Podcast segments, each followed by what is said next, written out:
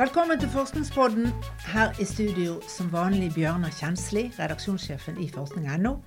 Jeg heter Anne Sundevåg, og i dag skal vi ta for oss det største spørsmålet av alle, Bjørnar. Ja, hvordan oppsto livet på jorda?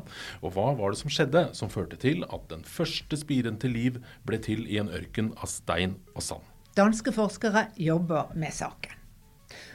En mindre hyggelig melding. Det viser seg at long covid kan gi mindre sexlyst. Og mindre hår.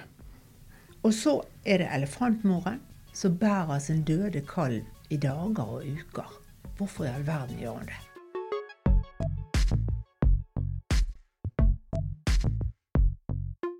To danske fysikere har altså kastet seg over livets aller største mysterium, nemlig hvordan liv oppsto på jorden.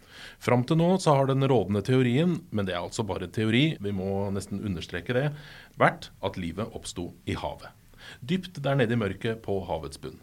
Men de siste åra så har det kommet en ny teori, Anne. Wet dry-teorien heter den. Se for deg en livløs ørken i jordens ungdom.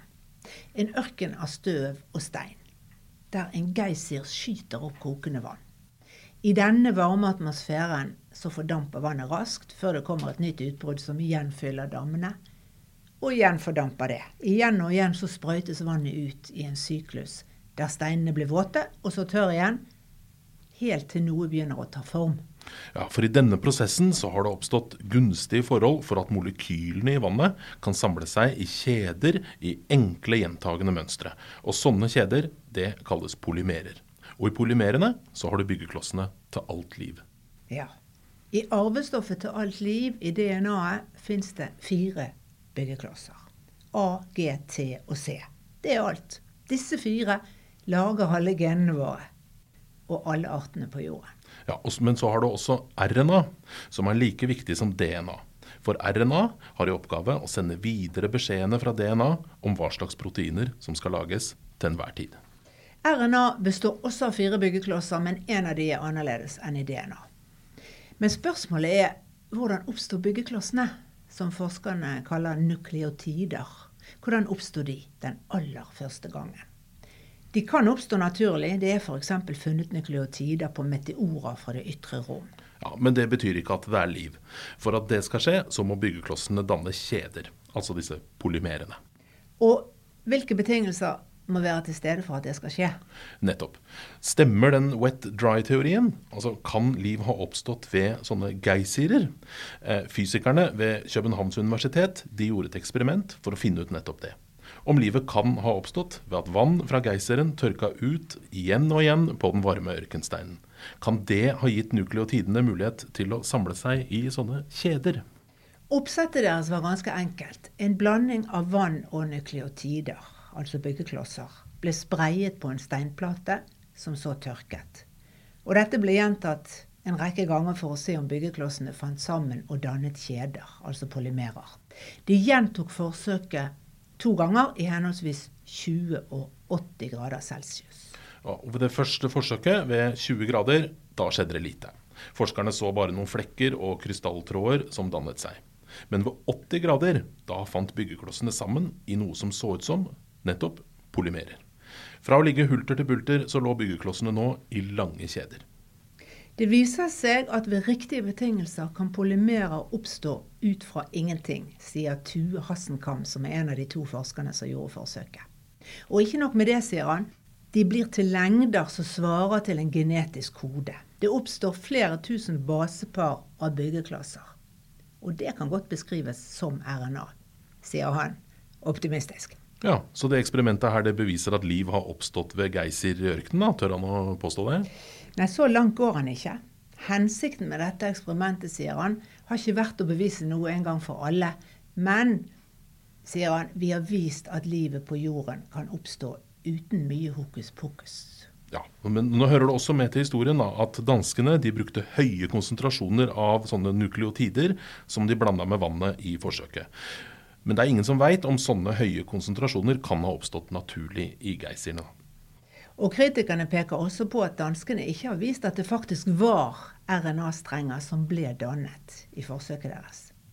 Men det kan de finne ut av ved hjelp av kjemiske metoder i neste omgang. Ja, så mer forskning må til. Som vanlig.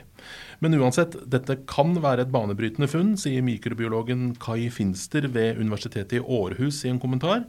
Og det er utrolig viktig at noen forskere kaster seg over dette mysteriet om hvordan livets byggeklosser en gang klarte å danne kjeder og skape celler med arvestoff, sier han.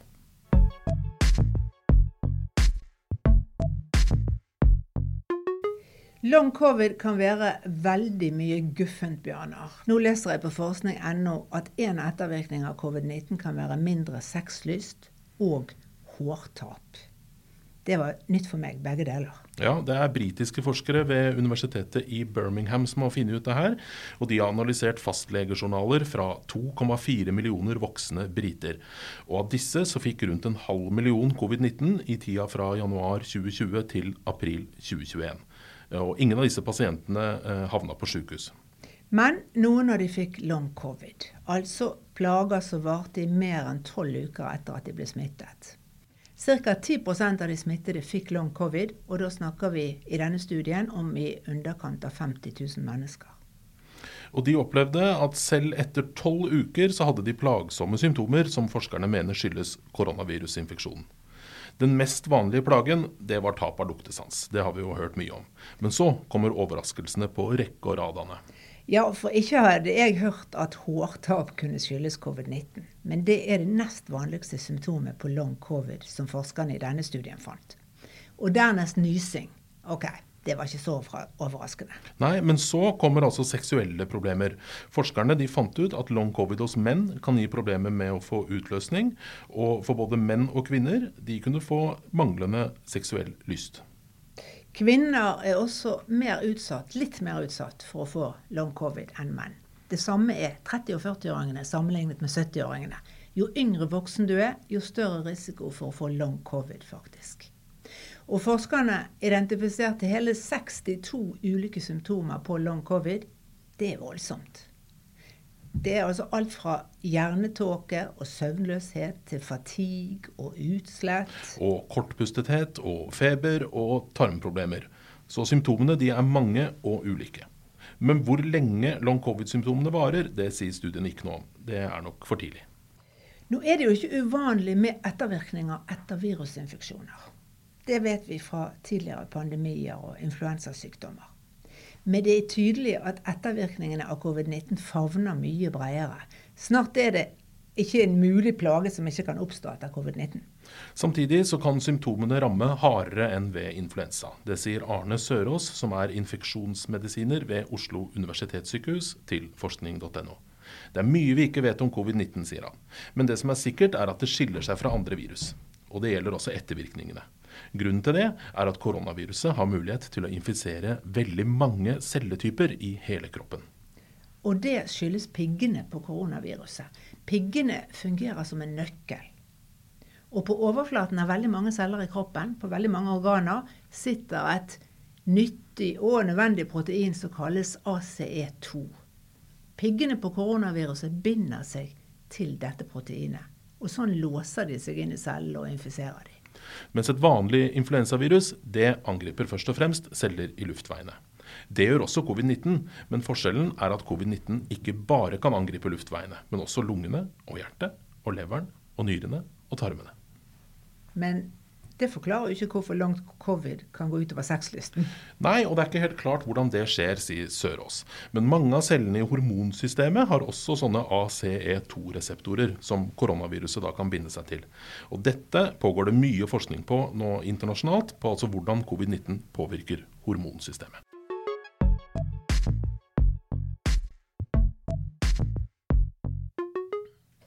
Den asiatiske elefanten kan bære på sin døde unge i dager og uker. Det fant den indiske forskeren Sanjeta Sharma Pekarei ut ved å søke på YouTube. Ja, Hun fant tolv videoklipp som folk har lagt ut, der en elefantunge er død. Og det spesielle var at fem av disse videoene viste hunnelefanter som bar på sin døde kalv. Og hvorfor ikke forskerne visste om dette før YouTube kom på banen, er rett og slett fordi den asiatiske elefanten er vanskelig å få øye på. For selv om han er diger, så lever han i tett skog, og av den grunn så vet vi mye mindre om den enn om elefanten i Afrika. Men i smarttelefonen og videokameraets tid har det altså dukket opp videoklipp av den asiatiske elefanten på nettet. Forskerne de fant til sammen 39 videoer som viser hvordan den asiatiske elefanten oppfører seg når en i flokken dør. Og de klippene har forskerne ved The Indian Institute of Science studert grundig. De viser at elefanten reagerer på mange forskjellige måter når en i flokken dør. De er urolige og vaktsomme når de nærmer seg en død artsfelle. De snuser på liket, rører ved det. Og ofte så forsøker elefanten å løfte eller dytte eller riste den døde. Det ser ut som de forsøker å vekke den døde til live. Og i 22 videoer så holder elefantene vakt over de døde. Dette kan vi også se hos de afrikanske elefantene. De kan også være veldig opptatt av andre elefanter som er døde. Og de kan undersøke den døde kroppen og stå vakt over en død venn. Og noen kan til og med bære rundt på knokler av døde kamerater. Og så er det altså videoen av denne asiatiske elefanten som viser at hunder bærer på en død kalv. Og Forskerne mener ut fra bildene at ungene må ha vært døde i mange dager, eller kanskje til og med uker. Og da blir spørsmålet hvorfor gjør elefantmor det? Ja, De spekulerer, men de har likevel to forslag, forskerne altså. Enten så er det sånn at elefantene ikke helt forstår at kalven er død, og at de ikke vil gå fra han. Eller så er det også sånn at elefantmoren skjønner at ungen er død, og at det er en slags sorgreaksjon som gjør at de ikke vil gi slipp på ungen. Den siste forklaringen det heller den indiske forskeren til. Hun mener at denne atferden tyder på at elefanten har en slags bevissthet om døden.